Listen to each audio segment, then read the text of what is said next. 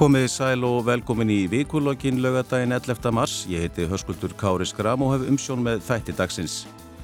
Óvært er að segja að kuldabóli hafi verið að minna á sig síðustu daga og eitthvað lengra í vorið sem margir heldur kannski að væri við það að gangi í gard.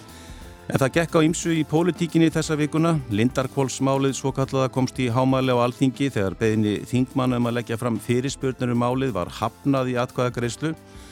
og nýjasta tískorðið meðal háttsendra embættismanna og fórustumanna ríkistjórnarinnar er þjóðarsátt. Þjóðarsátt um hann á tökum á verbulgunni en svona miða við stöðuna, verðhækkanir á hinu og þessu, artgreislur og annað þá verist þjóðarsáttin bara eiga við suma en ekki alla. En hingað til að ræða þessi mál er komin Jóhann Pál Jóhannsson, þingmaður samfélkingarinnar og í símanum er Þorstitt Sæmundsson, fyrirvændi þingmaður miðflokksins og svo eigum við vona á að Hafdís Hrönn Hafsteinsdóttir, þingmaður framsónarflokksins, komið til okkar en hún er eitthvað segin fyrir. En Þorstitt, svo ég byrja á þér, hvað er þú stattur? Ég er stattur vestur í Dölum og hérna í húsi þar sem vegum og, og hérna unni mér vel, það er tíu steg af frostið fyrir utan rúmlega og snjóriður öllum Einmitt, Þorstein, ég ætla að byrja á Lindarkvólsmálinu og, og, og byrja kannski að spyrja þig því, því þú hefur talað og skrifað heilmikið um þetta mála á, síðustu árum og svona, svo við byrjum bara alveg á byrjunni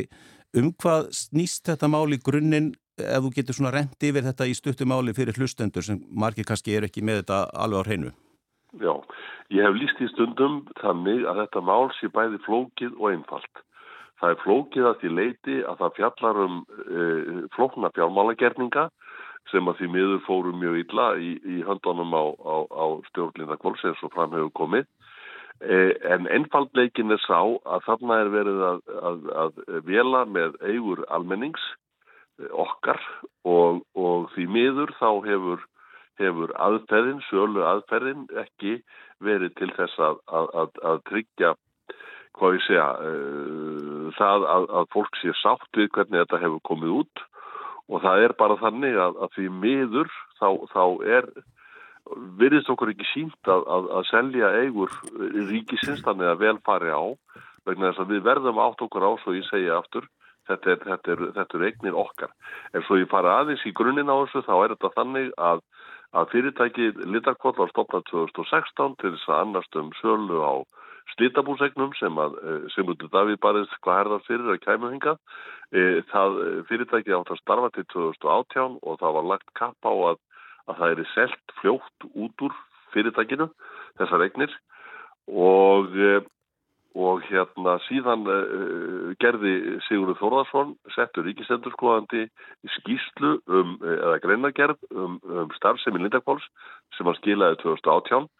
sem ekki hefur fengist ofinberðuð þáttir rítekaða tilröðunis og þar gerði hann ímsar, þó við höfum ekki séð hérna greinagerðina, þá er næsta víst að hann gerði þar ímsar aðtöðasendir við það sem að gerðist þarna í, í, í söluferlinu. Og það staðfæstist svo bara best af öllu núna fyrir nokkrum vikum í réttarhaldi niður hérastómi þar sem að fóru frá vittaleguslun í málinu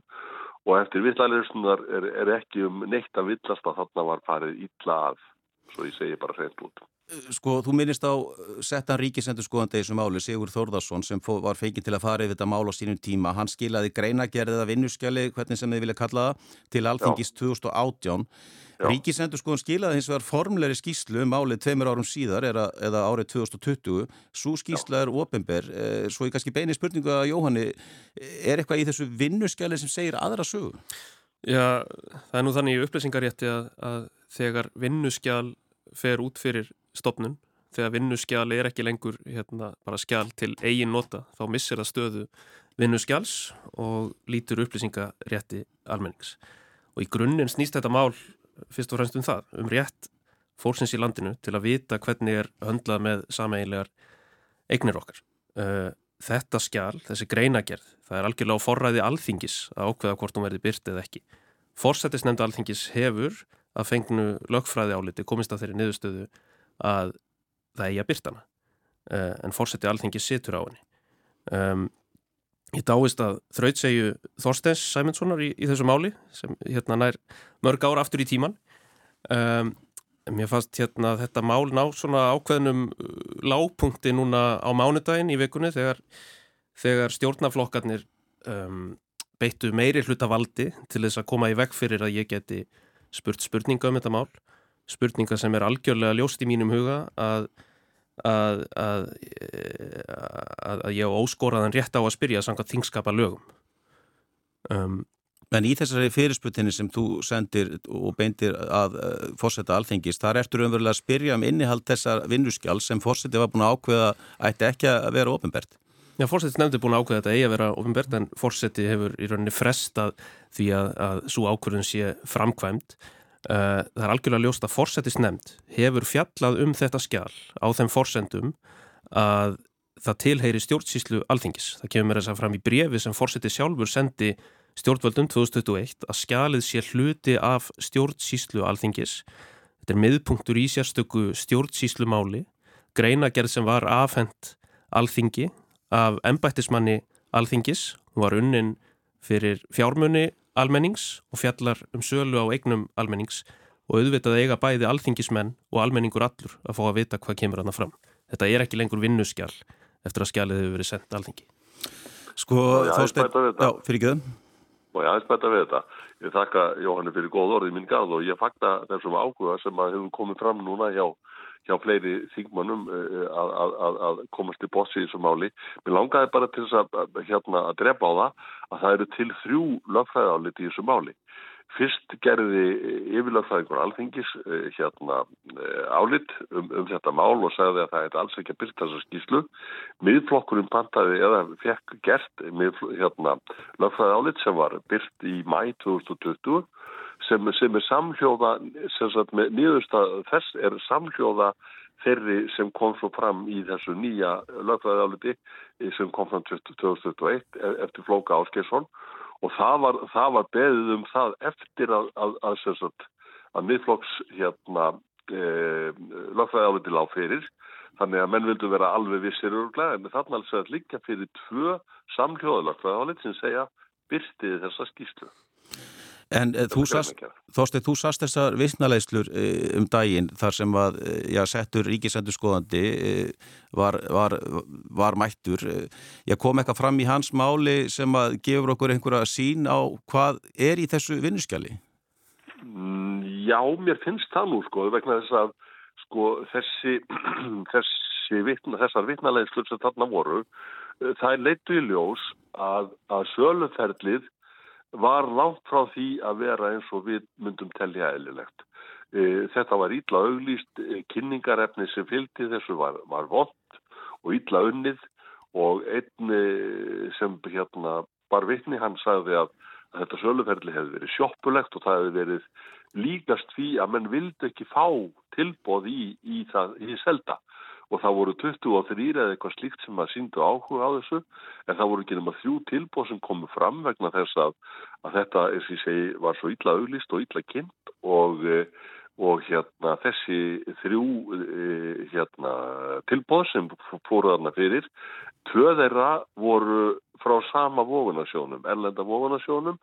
og fyrir þeim stóðu sem sagt forstjóri klakka annarsvegar og hins vegar fjármálastjóri klakka sem er því selta í þessu máli. E, Lögfræðilegi ráðnötur hérna Linda Kvols í málinu var, var svo ofan í kaupið stjórnarmadur í klakka og það er, það er mjög aðeglisvert að sjá og, og, og, og Sigurður Þorðarsson bendi á það til dæmis í, í sínu vittispörði að þessi lögfræðilegi ráðnötur sem svo hefur verið kallaður, hann er allstaður í þessu máli, allt um kring og tilbóðinn þegar þau voru, sagt, þau voru ekki opnuð í votta viðvist eins og gert er yfirleitt. Þau voru senda á, á, á, á tölvunetfang lögmannstofu þessa lagfæðings. Þannig að stjórnin sem slík, hún sá aldrei þessi tilbóð fyrir að hann presenteraði þau. Og, og, og, hérna, og það er ekki nóg með það að hann hafi verið þarna eins og ég segi stjórnamaður í klakka þegar það hefur verið að selja klakka. Hann er síðan verjandi ríkisins í þessu máli sem er höfðað á, á heldur ríkin og Lindarkolli og hann er vittn í málinu líka. Þannig að ég hef bara sjaldan séð manni í mörgum jökkum um æfina. Er, er þetta í, í samræmi við lög, er þetta eðlilegt svona, já, ferli? Nú er ég ekki lagfræðingur en ég verða að viðkjanna það að, að þetta að vera eins og ég segi vittni, vittni í málinu, verjandi í sama málinu mér finnst þetta afskaplega undarlegt. Það getur vel verið að þetta sé það sem ven, ven, er, sé vennibundið en, en mér finnst þetta afskaplega undarlegt og, og þarna er sagt, einn einstaklingur sagt, verjandi þess hann er að verja gerðir sem að hann framkvæmdi fjórum árum áður. Ég, mér finnst þetta í hæsta móti óalegt og, og síðan bara vegna þess að, að það er nú þannig að, að, að Lindarkvall á sínu tíma setti sér vinnureglur og síðareglur sem í ljósi síðar í tíma eru besta, er í bestafallir hlægilegar. Svo kemur í ljós að þessi sami lagfræðingur kom fram í morgunblæðinu núni í vikunni. Hann hefur, hann hefur sko uh, lagt fram uh, þúsundir tíma sagt, vinnu, vinnu hérna reikninga fyrir þúsundir tíma en engar vinnu skýslur Nei. þannig að Þannig að sko, þú veist, þetta, þetta allt í kringum þetta mál er með þeim hætti að þú vilt ekki að, að hlutir sem að ríkið er að höndla með í talunugum, eins og ég segi, eigur almennings, að það sé höndla með þær með þessum hætti. En það var, eins og ég sagði áðan, það var, kom skýsla frá ríkisendurskoðun um þetta mál mm. árið 2020 Ja, sko, þú segir, eins og þú orðar þetta þá svona, er margt í þessu sem er skrítið og mætti skoða betur eh, Já. var þessi skýsta þá einhver bara reyðilega einhver kvítþóttur eða hvað? Sko, maður hallast að því vegna þess að núnum daginn eftir að hafa heilt vittnisspurðu um það hvernig þessi sala bór fram og að bera hana svo saman við þessa einu blaðsíð í skýslu ríkisendur skoðunar 2020, það sem er þess að það eru sölu að líst, það er bara svart og kvítt vegna þess að í sölu, segir í skýslu ríkisendur skoðunar segir þetta fór alltaf eða fram, þetta er bara eins og alltaf hefur verið og alltaf hefur verið gert og og ekkert að þessu og svo framvegs og svo framvegs síðan kemur vitninsburðurinn og hann er með þessum hætti sem ég segi ykkur að það eru þarna eins og ég segi menn sem er í, í forsvari fyrir fyrirtækið sem er að bjóða í, í eignarhlutin verandi með innherja upplýsingar sem aðrir höfðu ekki. E, síðan er þetta selt e, e, það sem er sagt hæstbjóðanda 505 miljónir, það er skilist tilbóð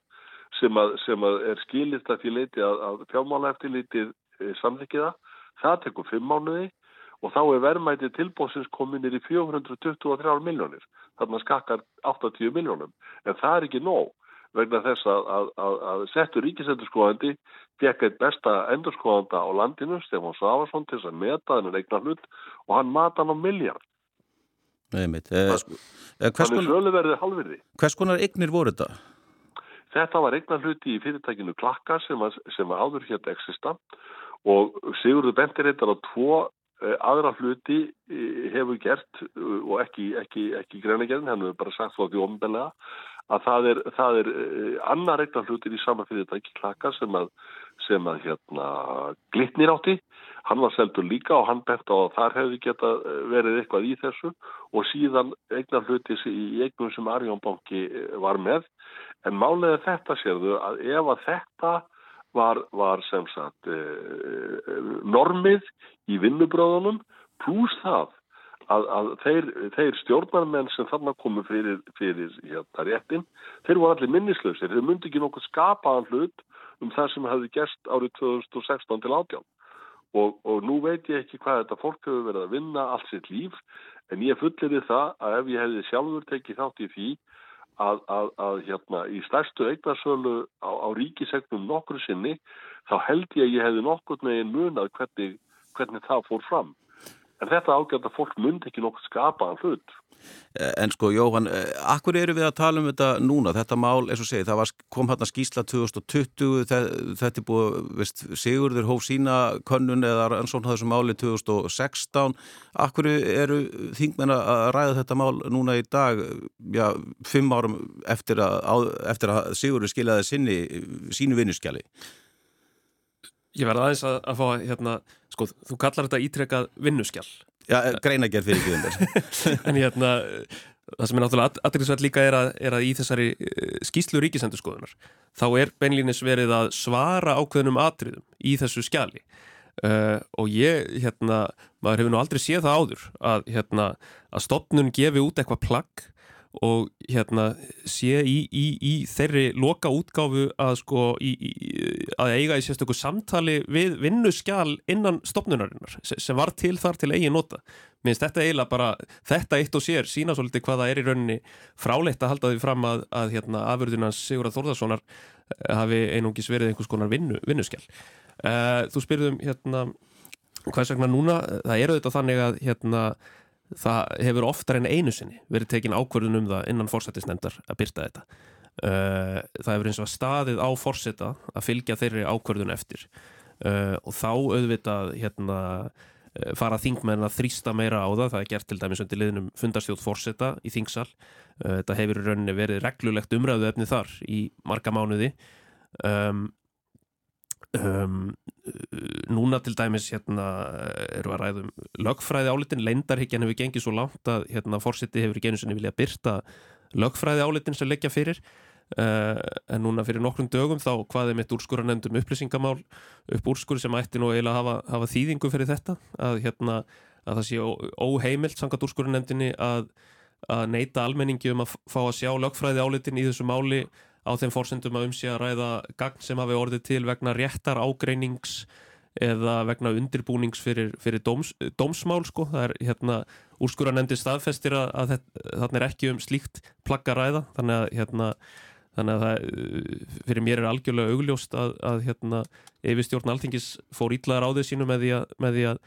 með því að neyta þingmönnum og almenningi um að fá að, fá að sjá lög, lögfræði álitin um, ágætt að hafa það í huga sko að hérna, það var tekinn sérstök ákverðin um það 2019 að fella stjórnsýslu alþingis undir gildis við upplýsingalaga. Það var gert til þess að auka tröst, til að auka gagsægi, tröst og tiltrú alþingis, uh, liðka fyrir aðhalds, uh, aðhaldi frá fjölmiðlum og annað slikt um, og ég verð að segja að meðferðin, hérna, málsmeðferðin í þessu máli er algjörlega á skjön við þessi markmið. Og í þessu lögfræði áliti sem var byrt núna í fyrrata þá þar kemur mjög skýrt fram og það er rauninni stiður við þá rauksendafæslu mína að þarna sé sannlega um að ræða skjál sem tilheyri núna stjórnsýslu alþingis og þá er það það er búið að hafna því í atkvæðagreyslu á alþingi Já. og, og, og skilningur, Og skilningur stjórnar þingmann er bara Já. allt annar Já, fyrir mér var meiri hluti alþingis þar bara beinlýnis að fara á svig við þingskapa lög með, með fundar ofbeldi. Þorstein, þú er ekki rétt munið hann með sast þú ekki stjórnskipin og eftirlitsnefndi á síðasta kjörtíðanbili Jú, jú, ég gerði það og mér langar aðeins, má ég aðeins bæta við af því að, af því að, af því Jóhann sagði jú réttilega að í skýslu uh, Ríkisendurskoðanar frá 2020 sé svona óbeint vitna til uh, greinagerða sigurðar að þá er það líka þannig að þáverandi Ríkisendurskoðandi skúli Egert Þórðarsson, hann kom fram bæði í viðskiptablaðinu og annar staðar og hann, hann sem sagt sagði Sigurður dró rángar álíktarinn í, í, í sinni vinnu, hann komst að röngu niðurstöðum, hann hafði það upplýsingar og svo framvegis og þessu hefur Sigurður þurft að sitja undir á þess að geta borðið hönd fyrir höfu sér. Vegna þess að þarna með því að opna það að þetta var svona, þá fannst mér á þeim tíma að skúli ekkert væri í raun að, aflétta trúnaði af þessu skjali fyrst að var að vikniða í ofnbjörn umræð og þá þegar hefði náttúrulega átt að, að, að, að hérna að hérna skal ég segja er byrta það. En það er rétt að ég satt í stjórnskipunum eftir þess nefnd hann árunum 2017 til 2021 og uh, lengi vel þá var það þannig að það var ekkert rosalega mikill áhug í nefndinni fyrir þessu máli. Uh, ég fekk það á, á dagskrán okkur sinnum og ég var á þeim tíma eini þingmaðurinn sem spurði eitthvað út í þetta mál. Aðrið bara sátu hljóðir og, og sumu þótti nóg um þegar að ég hérna e, þrá spurði til dæmis þá var enda ríkisendurskóðanda út í þetta mál og,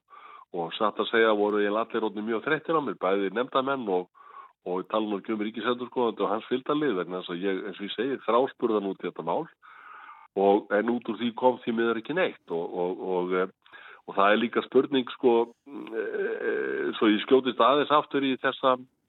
þessa hérna, þessi lagfræði álita því að ég er reynda búin að lesa þau bæði en það er til hlýtur að vera mjög gild spurning til fórsetta alþingis að spyrja hann á hvaða sem sagt laga fórsendum hann ákvað að skjóta e, hérna lagfræði áliti flóka á skissunar undir ykkur trúnað hvaða, hvaða lagalega heimild liggur að baki þeirri ákvörð Skemmtilegt að nefnir þetta Þorstein af því ég, ég hef einmitt lagt fram slíka fyrirspurn til þingfórseta. Það verður frólægt að sjá hérna hvort þessar nýjustu fyrirspurnir mínar hvort, hvort, hann, hvort hann ákveði að leifa þær ekki eins og hann, eins og hann gerði þegar ég laði fram fyrirspurnum um inniald greinagerðarinn hans Sigurður Þórðarssonar. Það mun vantarlega komið í ljós í, í næstu viku en þar spyr ég um þetta, ég spyr um ímis bref sem hafa gengið á milli fórseta alþingis og stjórnvalda mm. og ég spyr um afskipti starfsmanns í fjármálaráðunetinu af í rauninni þeirri ákvörðun fórsættisnefndar að byrta greinagerna. En, en hvers, Þorstein, hvers vegna náðuð ekki að klára umfjöldin um skýslu ríkisættuskoðunar á, á síðasta kjörtíðanbili? Var það áhugaðleysi eins og þú ert að lýsa? Var það bara COVID eða var einhver önnur ástæðu? Já, sko, ég hafði mjög einarða afstöði í því máli að ég sagði þá og, og segi enn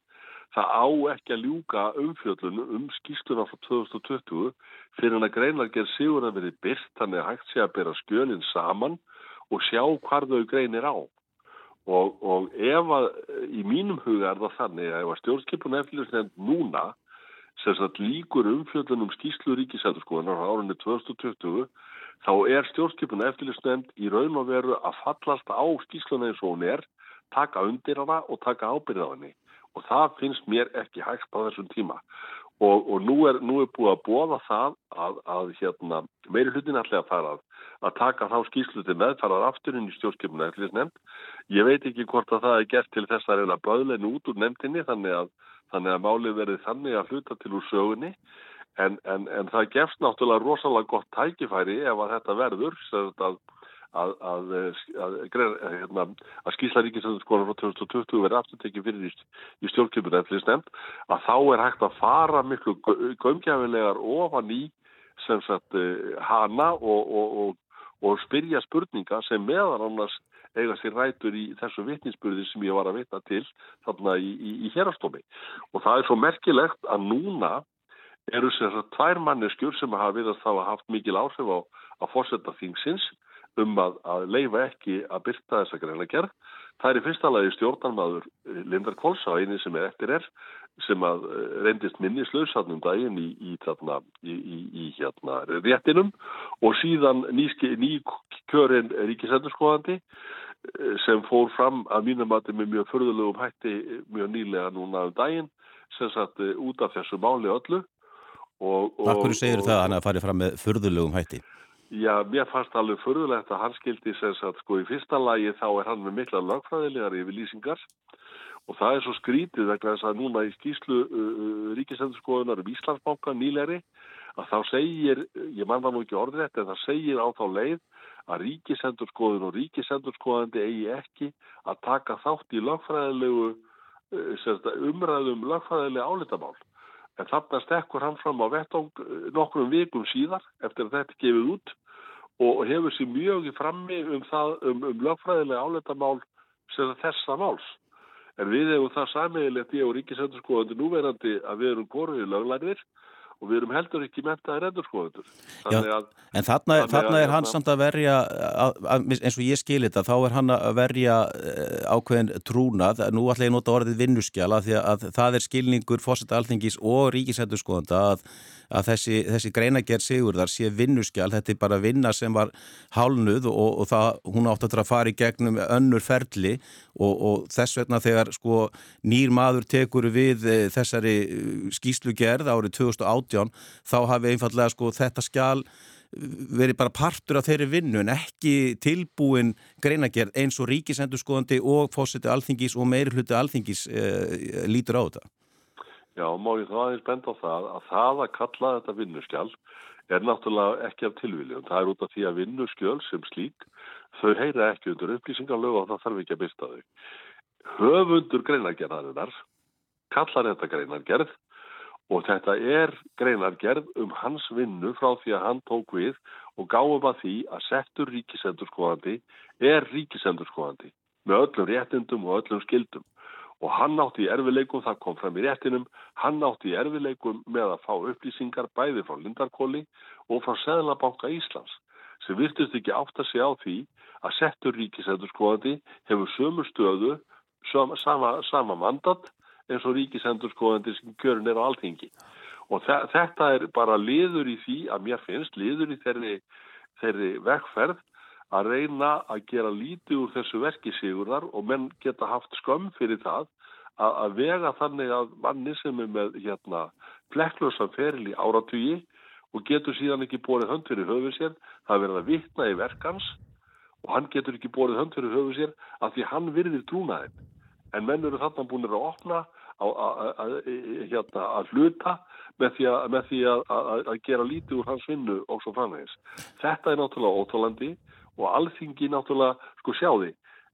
það alvarlegasta, eða eitt af því alvarlegast í þessum máli að mínu álit er það að það er í beinlýnisverðarinn að hamla því að alþingi og alþingismenn e, sinni einu sínu verðmætasta hlutverki, það er eftirlit skildan með framkvæmtavaldinu og með þessum æfingum sem þarna eiga sér stað er núna verið að gera lítið úr þessu, þessu hlutverki þingbanna og mér finnst það með nokkrum ólíkindum að fórsetið þingsins, ekki, ekki bara þessi heldur svo sem var á undan honum líka,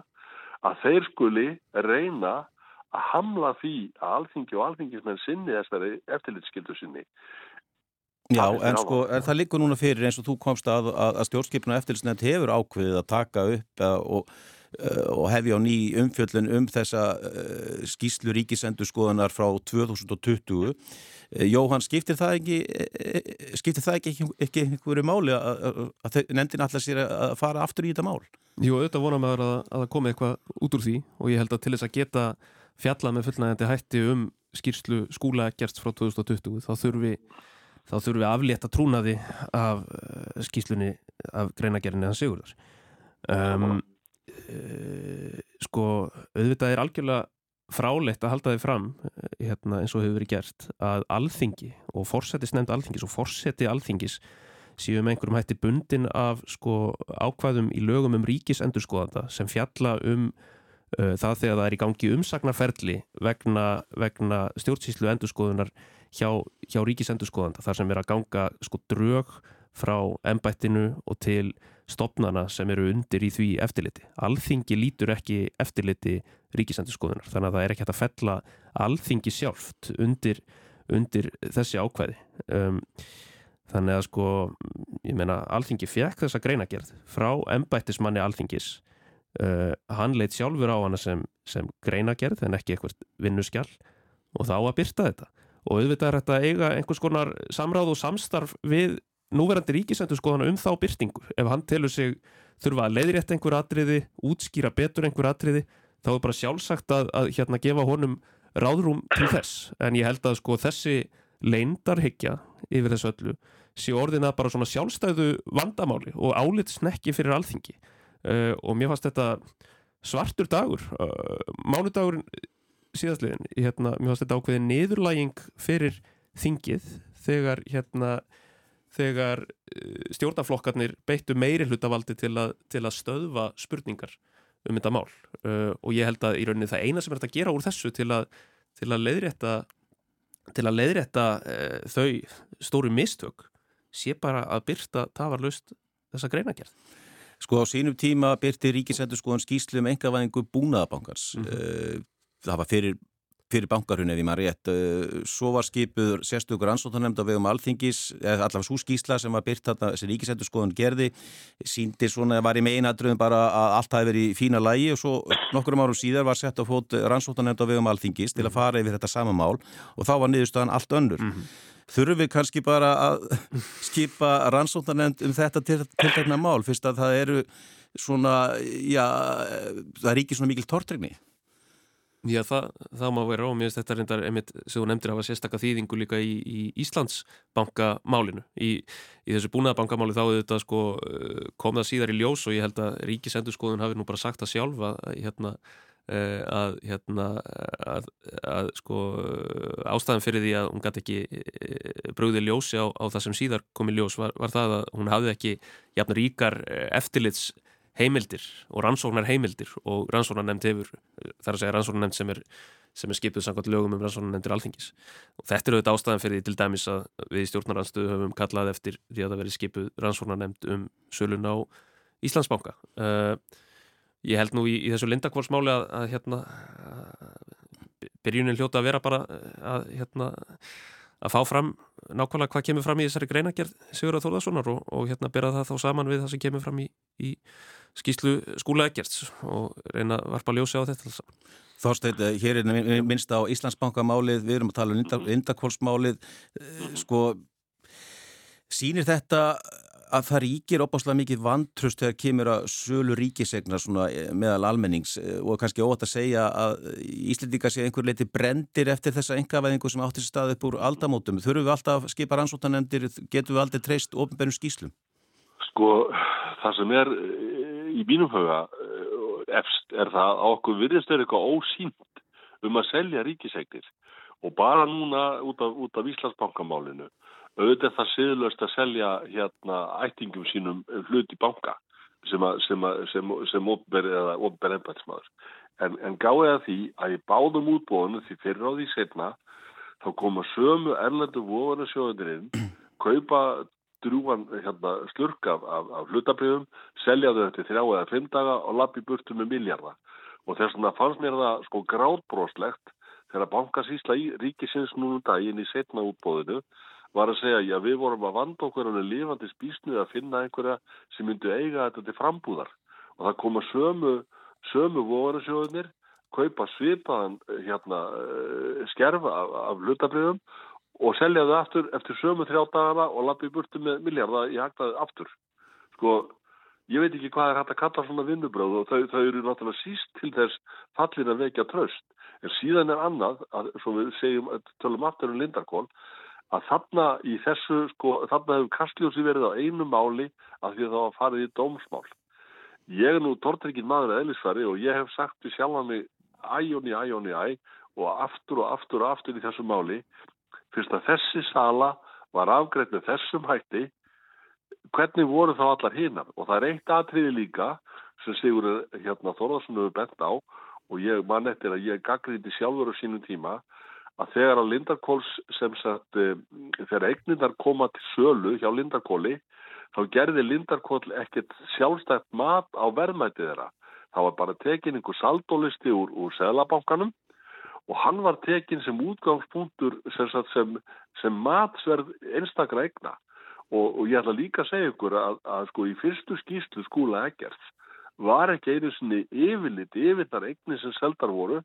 fyrir hann að ég fann að þessu. Og þá kom fram viðaukarski, eða ný skísla eftir nokkra daga. Og skísla skúla ekkert nota benni var á leiðinni inn í þingið í næstu viku eftir helgi heilt ár, það tók nú það langan tíma að koma henni frá sér, en það var ekki einu sinni í fyrstu útgáfa hennar yfirlit yfir því selda, sjáu þið. Þannig að auðvitað verðum að tortrykkin og ég skil tortrykkin almennings mjög vel og ég segja aftur, þetta eru eigur almennings og almenningur á kröfu á því að vita um það hvernig þetta fer fram og almenningur á kröfu á því að það sé gengið um þessar egnir eh, hérna af heiðanleika á virðingu og, og fyrir opnum tjöldum. Einmitt, það er það sem, að, sem er mikilvægast. Eh, þið talið og segi, notið orðið leindarhyggja mikið. Já, hver er að græða á þessari leindarhyggju? Eh, sko, er þetta er, er, er einhver ás, er, hafa menn eitthvað að fela þarna? maður veit það ekki það, það, og þetta, þetta vekur tortrykni og eina leiðin til að eigða tortrykninni er að, er að byrta þetta en þarna er verið að, sko þetta er skísla sem fjallar um eignasölu sem átti sér stað á vakt Bjarnar Benediktssonar í enga hluta félagi sem, sem uh, hann kom þessum eignum fyrir í. Uh, þannig að hérna, maður hefði nú haldið ef að, ef að fólk hefur ekkit að fela að, hérna, að það væri bara langbæst að byrta þetta. Ef, ef það er ekki þannig þá ættu menn að vera löngubúnir að byrta þetta. Ef það væri ekkert að fela ekkert sem væri í ólægi þá til þess að bara til þess að standa ekki í þessu vesenni sko, bara sem er búið að standa núna í tæp 5 ár og það náttúrulega bendið til þess þegar menn sko þjappa sér svona saman um að halda upplýsingum frá fólki þá náttúrulega laumast aðmanni sá grunnur og, og, og, og rökin fyrir honum styrkjast með hverjum deginum að þarna sé eitthvað sem ekki hafi verið gert eins og eins og, eins og, eins og æskilegt var. Fyrir ykkur sem voru að koma að viðtækinu, hann situr hérna hjá mér Jóhann Páll Jóhannsson, þingmaður samfélkingarinnar og í símanum er Þorstedt Sæminsson, fyrirvændi þingmaður viðflokksins, Hafdís Hrönn Hafsteinsdóttir þingmaður framsunaflokksins ætlaði að koma en hún forfallaðist í miður á síðustu stundu. Ég ætla að fara yfir í annar mál, verbolga og stýrivextir. Við þekkjum öll þessa umræðu en núna er verið að tala um einhvers konar þjóðarsátt til að ná tökum á verbolgunni. Vantarlega verið að byggla til verkefælisfélaga að stilla launakröfum í hóf í komandi kjærasamningum og, til, og beina því til fyrirtæki að velta ekki öllum hækkunum út í verlaið. En svona miða við það sem maður er að sjá og heyra þá verðast fyrirtæki að vera skila góðum hagnaði, þau hafa hækkað vöruverð, ríki og sveitafjölu hækka gjöld, húsalegu heldur áfram að hækka og svo framvegs og svona miða við þetta er það ekki bara tóntmála að vera að tala um þjóðarsátt ef það er einungis alminningu sem á að taka sig alla ábyrðið, Jóhann. Já, ég held að það sé kannski ágætt að rifja það upp að þegar það náðist þjóðarsátt hérna 1990, þá var ég nú ekki fættur, hérna þá var ástandið þannig að, að hérna uh, það var taprekstur í stóru atvinnugreinunum, uh, eh, gjaldþrótar hreina í sjávarútvegi, það var ekki dvoðalega mikið til skiptana. Uh, núna hins vegar er bara ástandið hérna allt, allt öðruðsið. Það er sko miljandi hagnaður í stóru greinunum í sjávarútvegi er verið að taka sko arð út úr, út úr stóru fyrirtækjónum sem er sko uh, markfaldur á við þau veiðigjöld sem fyrirtækin greiða. Uh, við sjáum svona hálfgerða 2007 stemningu sem staðar í atvinnulífinu ofur laun gríðarlegan hagnað í bankakerfinu. Kaupöllin hérna alveg svakalega hérna, fjármagstekjur sem er að, er að sapnast á æfæri hendur. En um leið er bara mjög stór hópur sem sem hefur það slæmt og er í vandræðum. Við erum að tala um fólk á, á leikumarkaði, á, á svona til dælulega óregluvættum og, og ónýtum verði að segja leikumarkaði. Uh, við erum að tala um fólk sem tók óvertri lána og breytilegum vöxtum, hérna kannski til dælulega tekjulátt fólk sem þó skreiði gegnum greiðslumat í, í COVID og hefur hort upp á sko greiðslubyrðina kannski hækka um, um alltaf 200.000 krónur síðan, síðan láni var tekið. Uh, við erum að tala um öryrkja með sko ráðstöfunatekjur í kringu 300.000 krónur. Uh, tekjulága eldri borgara. Þannig að sko uh, ég held að ef það eigi að nást einhvers konar þjóðarsátt hérna þá verði svo sátt að vera á þeim fórsendum að sko jafna já, sagt, á þeim fórsendum að, að það sé sátt um réttlátari skiptingu gæða og réttlátari skiptingu byrðana í samfélaginu. Það gengur ekki bara að, að benda á sko aðila vinnumarkaðarins, benda á, á samtök launafólks og segja, heyri þið verið að hérna, halda aftur af ykkur, eða á svo um leiða að, að reka hérna stefnu sem gerir þá ríku, ríkari á, á kostnað hinna. Þásteit, er raunhæft að tala um einhvers konar þjóðarsátt eins og staðan er núna í sæfélaginu? Já, nú býð ég út af fyrir sig nokkuð spenntur eftir því að sjá hvað þeir sem að fara fram á þessu sátt bjóða fram. Mm -hmm. Hérna, Sælabankastjóri, hann, hann rætti þetta núna fyrir nokkund dögum síðan og, og fórsættisraðra. Sko, ég hef verið mikill anstæðingur þess að hækka hér stýrivexti jafn mikið eins og gert hefur verið. Og ég óttast mjög að hér geti myndast sama, sama hérna, ástand og og hér eftir funn þegar íbúalur sjóður og fjármálastofnarnir hýrstu e, eignir af fólki sem, að, sem hafði eigi fjárhlutvalli íbúðum hafði lækkað verulega út af hækkandi vöxtum og svo framins. Ég óttast þetta til dæmis en síðan er annað. Sko fórsættisadar kemur hér fram og segir við viljum fá hérna þjóðarsáttum það að lækka verðbólku. Ríkistjótt hennar fyrir þremur og hálfu mánuði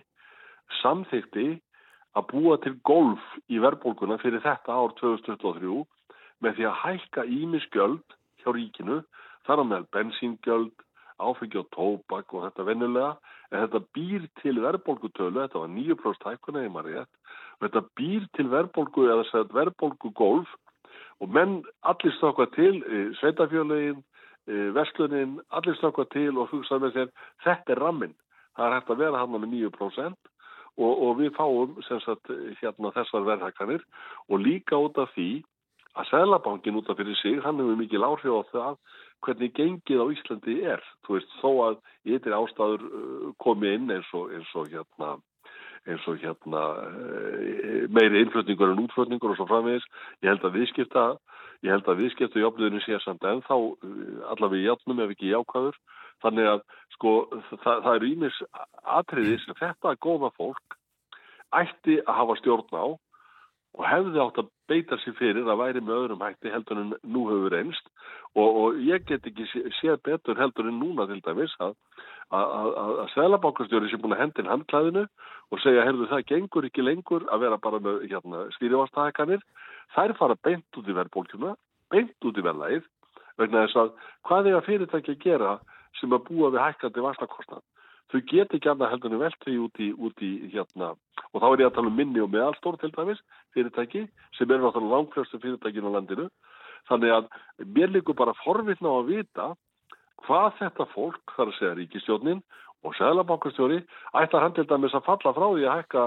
stýrivexti núna um, um, um 50 púnta eftir, eftir nokkar daga. Það er jafnveg talað um 1%.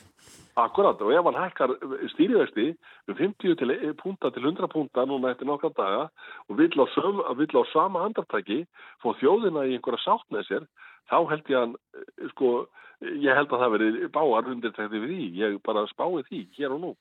Já, hérna, auðvitað er það hár rétt að sko þess að gjalda hækkanir, það er leka beint út í, út í vísutölu nesluvers og koma til hækkunar á verðbólgu. Og hitt er svo náttúrulega málið að sko ríkið er stærsti einstaki leikandin í íslensku efnaðarslífi og það segir sér alveg sjálft að sko þegar ríkisjóður er rekin með 120 miljardar halla uh, á tímum mikils hafastar, hás atvinnustegs, uh, eh, mikil að framleiðslu spennu,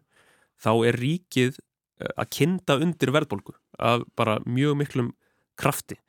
Og þetta er eitthvað sem við vöruðum við mánuðum saman Uh, við höfum kannski einhverju leiti hljómað eins og Bilu Plata að tala fyrir aðhaldi í ríkisfjármálum bara frá því,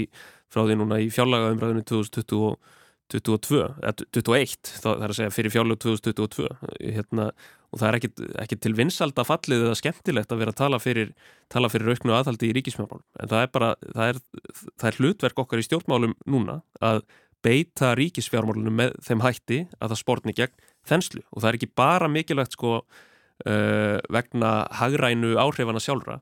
heldur líka vegna væntingastjórnunar. Uh, verðbólka ræðst að verulegu leiti af, af verðbólgu væntingum og akkurat núna þá trúir fólkið í landinu því ekki og markaðsæðilar, greiningaræðilar fólk trúir því ekki að ríkistjórnin muni ná tökum á verðbólgunni og þetta saði Bjarni Benediktsson einmitt sjálfur í, í viðtali. Fólk er hægt að trúa því að við náum tökum á verðbólgunni. Hversu nætli það sé? Það er vegna þess að ríkisöður er ekki með 120 millar að halla meðan sko aðila vinnumarkaðarins síndu nú ábyrð í desember og, og sömdu mjög hóflegar hækkanir um, og það verðist einhvern veginn þótt, þótt sko hér hafi verið viðvarandi verðbólka í, mikil verðbólka í meirinn ár þá er enn ekki komið fram neitt plan frá ríkistjórninu um það hvernig verið tekið á henni. En þú talar um aðhaldi ríkisregstri við er núna að sjá van fjármagnað heilbreyðskerfi, van fjármagnaða háskóla, bara síðast í gær voru mm -hmm. mótmæli út af því. Ég hvar á að skera Já. niður? Góðu fréttinnar eru þær að það er hægt að ná fram aðhaldi í ríkismjármálum án þess að skera niður. Það er hægt að gera það á tekjuhliðinni og eins og ég fór yfir hérna áðan, það er miljandi hagnaður í stórum atvinnugreinum. Uh, Tekjuhesta 1% á Íslandi er að taka til sín æstæri hlutild af þjóðarkökunni Um, sko, og stundum er sagt Nákvæmlega, í sjávarútvegi sko sjáum við hérna bara af, afurðaverð hérna, útflutningsverð sjávarafurða hefur aldrei verið hærra. Uh, það er algjörlega borlegjandi í mínum huga við þurfum að leggja á einhvers konar kvalreika skatta. Uh, það er hægt að hækka fjármastekju skatta án þess að sko 80% fólks finnir fyrir því vegna þess að það er búið einlega hérna svona frítekjumörk í kerfið. Þannig að það er þetta það er að sækja þar 5-6 miljardar án þess að almenningur finni fyrir því. Uh, En leðu þú hækkar skatt á fyrirtæki, hvað gera fyrirtækin oftast? Veltis út í verðlægið? Mm, það er ekkit sjálfgefið, það komið mitt fram á, á fundi hérna með Sælabankastjóra um daginn, ég spurði hann um það sem er kallað hagnaðardrifin verðbólka sem er mikið talað um núna í bandaríkjunum og, og Evrópu að, hérna, að þetta sé orðin svona sjálfstæður aflvaki verðbólgu að fyrirtæki séu að, að, að nota ferðina ef svo má segja og auka álagningu mjög rækilega vegna hækkandi verðbólgu væntinga og ef við sjáum bara, ég meina í bandaríkjónum hvernig er Joe Biden að taka á verðbólgu það sem, hann, það lagafrumvarpið hann sem, sem heitir Inflation Reduction Act það fjallar allt um það að hérna, skatleggja í auknumælu og loka skattaglöfum fyrir stór fyrirtæki og svona ofur fjármæn uh, eh, breytar, íhaldstjórnin í Breitlandi hún fór þá leið að hækka skatta á stór fyrirtæki. Í Noregi er verið að tala um að endur skoða öðlindagjöld og sækja þar sko hátt í 1% af verkri landsframlegslu til þess að geta einmitt uh, skapa svegrum í hagkerfinu til þess að hérna, reyka hérna upplutt velferðarkerfi, helbriðiskerfi og almannaþjónustu. Þannig að ég held að þetta séu svolítið fordæmin sem við ættum að horfa til og sérstaklega ef það stendur til að reyna að ná einhvers konar þjóðarsátt þá held ég að þetta sé algjörlega borleikandi. Þorstein, uh, þið, fyrir, já þú, þú fyrst. Já, ég ætla bara að segja að þið í miðfloknum, þið hafa nú lengi talað fyrir svona aðhaldi í ríkisregstri. Mm -hmm. Uh, er það lausnin, finnst ykkur, finnst ykkur að þetta, þessi hallaregstur sem er í gangi núna að uh, já það þurfa einhvern veginn að leiður þetta þennan, þennan kurs?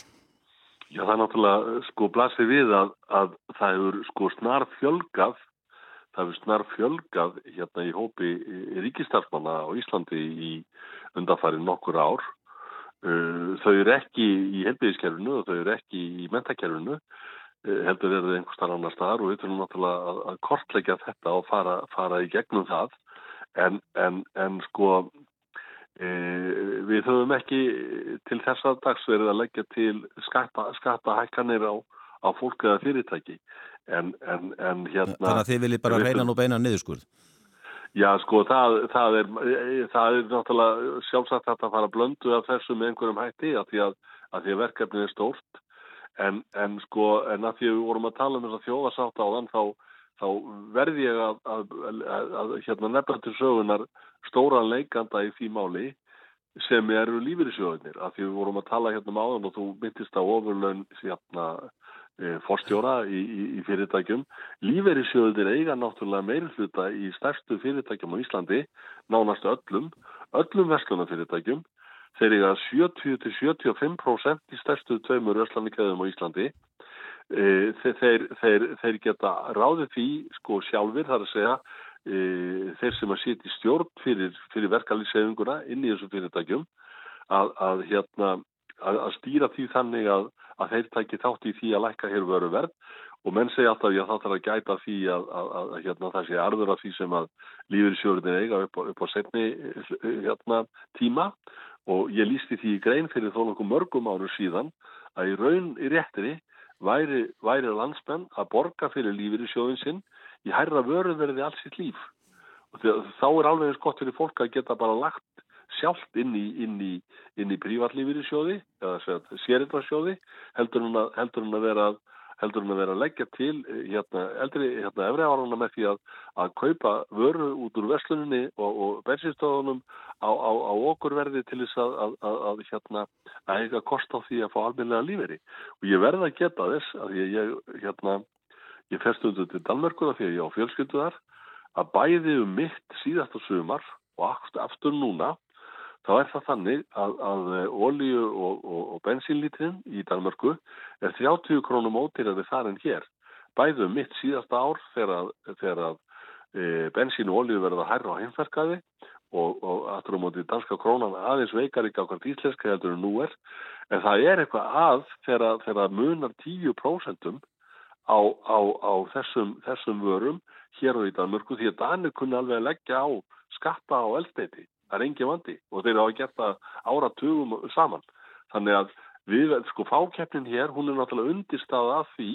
að, að, að við erum ekki að ná árangri og, og, og það er eins og, eins og hérna, hér hefur komið fram, almenningu borgar í sífullu brúsam. Og við sjáum það til dæmis að því að þessi, þessi, stýrvarstahekkanir og vakstahekkanir bákana á hverjum hafa þeir, þeir, þeir bytnað. Þeir hafa bytnað á fólki sem er að leitast eftir því að kaupa fyrsta, hérna, fyrstu fastinuna sína og getur það ekki og er dæmt til að vera á leikumarkaði sem er alveg bara núna fer með híminskautum út af, af sömu ástæðum. Þannig að, að það er alltaf þetta sama fólk sem á að borga brúsan þeir sem að nánast lagast standa og það náttúrulega gengur ekki. En er það hlutverk, hlutverk lífverissjóða að vera að skipta sér að já, stjórnum fyrirtækja? hvernig fyrirtækinu stýrt Nei, maður er eiga í fyrirtækinu, já, já, já. Hérna, kannski ákveðt að rifjað upp líka sko, þegar þjóðasátti náðist þá, hérna, voru mjög margir sem komu aðinni sko. það var ekki bara, var ekki bara þrýhliða einhvern veginn heldur sko, sko bankarnir, ríkisrækni bankar skiptu mjög miklu máli í þessu samingi og hérna, samtök bænda komu að þessu og hérna og ég held einmitt bara eins og, og þósteit nefnir sko í, hérna, til að það náist eitthvað þjóðarsátt núna sé ekkit úr vegi einmitt að velta fyrir sér hlutverki lífeyrissjóða bæði sem hérna, stór leikandi í efnaðarslífinu sem, sem, sem sko hluta var í, í, í bara mjög stórun hluta atvinnulífsins á Íslandi og kannski þegar kemur að íbúða uppbyggingu og, og svo leið sko. Uh, hér er talað eins um leikumarkaðin uh, það eru sláandi gögn núna sem komið frá OECD sem sína að sko leigu kostnaður sem hlutvallar aðstöðunatekjum er bara eitt sá hæsti á Íslandi af öllum hérna ríkjum OECD uh, auk þess sem sko réttar vernd leyenda er einna lökust á Íslandi. Við erum með í rauninni bara, það hefur verið reygin svona afskipta leysi stefna á legumarkaði, vilda vestrið bara mjög lengi og, og, og hérna fólk þetta í bara verulegum vandræðum út af þessu og æg fleiri heimili reygin á yfirdrætti, æg fleiri að leita til umbóðsmann skuldara vegna fjárhagsvenda fólk hefur farið að sko, æfleiri að, að leita sér mataraðstóðar og um leiðverður sko, er tekjast að eina prósenti á Íslandi að taka til sín æstari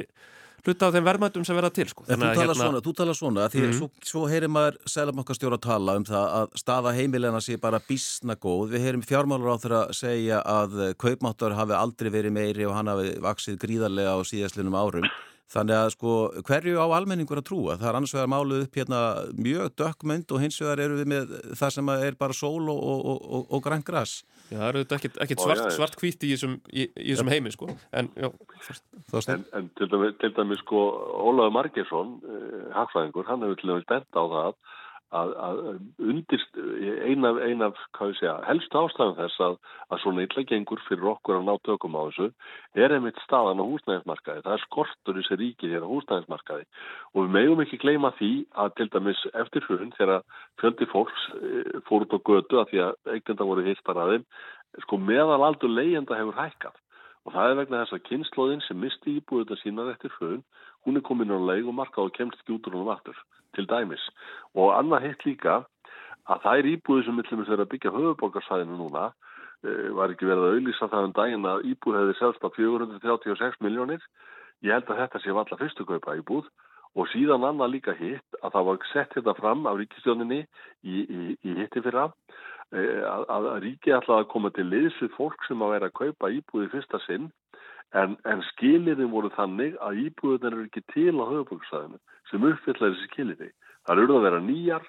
og kosti eitthvað eina við 60 miljónir fyrir fjaraherbæk íbúð og svona íbúðir eru ekki til í Reykjavík og höfuborgsæðinu. Þannig að það, það sko, og, og bondufréttundar eru þær að það tekur örgulega 5 ár að greiðu þessu með góðum vilja en þetta held ég að sé eitt af stærstu atriðum sem menn verða að fara í núna að það er að tryggja það að fólk geti í fyrsta lagi leikt fyrir ásættanleg hérna kjör og gleymur því ekki að það er fákeppni á leikumarkaði líka því að þeir sem hirtu íbúðunar á íbúðunarsjóði eru núna stærstu leigursalar á Íslandi það er að segja heimstaten eða norska fyrirtæki og, og alma. Þannig að, að það, það, er ekki, það er ekki gott fyrir einstaklinga að eiga við svona fyrirtæki, það, það er ójafleikur þannig ég held að þarna þurfum að taka á. Ég held að það veri Steinun Þóra Arnóndóttir þingmaði misti græna sem segði á alþýki vikunni að það væri tilgangslöst að tala um þjóðarsátt án þess að ná einmitt tökum á þessum fastegna markaði, legumarkaðinum Já, en þá verður að gera eitthvað í því sko. Hérna, núna, þá náttúrulega samiðum það í lífskjærasamningunum 2019, þá steg eh, ríkisvaldið inn og, og hérna og liðkaði fyrir samningsgerðinni með því að lofa hinn og þessu til dæmis var, var því lofað að það eru sett lög um einhvers konar takmörkun á hækkun leigu fjárhæðar á tilteknum tímabili eh, leigu bremsa af einhverju tægi það verður ekki verið staðið við þetta það var heldur ekki staðið við lofórðum um hérna, að taka á launathjófnaði með breytingum á starfskjara lögum uh, þannig að ég hef áhyggjur af í rauninni trúverðuleika stjórnvalda núna þegar hérna, samningar er að losna í massavís á, á næsta ári sem, sem hérna, þegar kemur að því að liðka fyrir farsætli niðurstöðu Uh, því þú spurur hérna á að hverju á almenningur að trúa. Ég hef svona tað með mér að, að vísa, vísa í bara ofinber gögn, til dæmis liggur núna fyrir hérna kjara, kjara rannsórn frá Gallup sem sýnir að sko uh, hlutfall þeirra sem eiga mjög erfitt með að láta enda ná saman hefur þrefaldast á síðustu tveimur árum. En núna 18% var 6% þetta er bara mjög sláandi. Einst þessi nýju gögn frá OECD um stöðu leyenda á Íslandi einhver hæsti leigukostnaður sem hlutfall af ráðstofunatekjum er, er á Íslandi, eða Íslandi er í, er í hópið þessar örfá landa. Um, við sjáum núna að hérna, geni stöðullin um ójöfnuð uh, hann fer hækkandi milli ára, ójöfnuður eru aukast. Kaupmáttur fer rýrnandi út af verðbólkunni það segir sér sjálf, það er alveg hægt að tala um tala um einhverja sakfræði hérna í þingsal, tala um að kaupmáttur hafi, hafi aukist hérna síðustu ár, það er alveg rétt, ég menna hérna verkefliðsreifingin samdi, samdi mjög vel og það var samið um krónutölu hækkanir sem stuðlaði líka jöfnuði en núna fer kaupmáttur rýrnandi vegna þessara, þessara miklu verðbólku. Þannig að það verður bara, það verður svolítið að díla við hlutina eins og þeir eru akkurat núna og ríkisvaldið þarf að stíga mjög fast til jarðar til þess að, til þess að auka jöfnuð og skapa félagslegan stöðuleika. Sko, og skapa bara, tröst. Já, eittina því að Bjarni Bendisson fjármálar á þeirra sagði að ef við myndum taka upp leigubremsu þá geti það hatt áhrif á frambóð, er það ekki ágefni? Já, þá maður bara spyrja löndin í, löndin í kringum okkur. Við erum eina landi sem er ekki með sko neina reglur af þessu tægi sko. Hérna, uh, sko, það getur verið að sko eitthvað skona leigu að, að hérna leigu þak sem er, sem er illa útfært geti haft slæm áhrif á frambóð og það er svona frækt, frækt hérna dæmi úr, úr hagfræði bókum og svo leiðis en það eru til ímsar leiðir sem hafa reynst vel í löndónum í kringum okkur uh, Já, já einmitt. Svona rétt í lokin Þorsteit, svona hvað er framöndan hjá þér um helgina? Já, ég hérna var nú sess að sko, ég býð nú við þá gæfu að ég get unnið að heimann þar að segja ég, ég var í vinnu hérna 15 og 1. og verða mánudaginn en ég kem svo bara til Reykjavíkur eða við komum til Reykjavíkur á mánudagskvöld og, og hérna þannig að það er, það er bara svona e,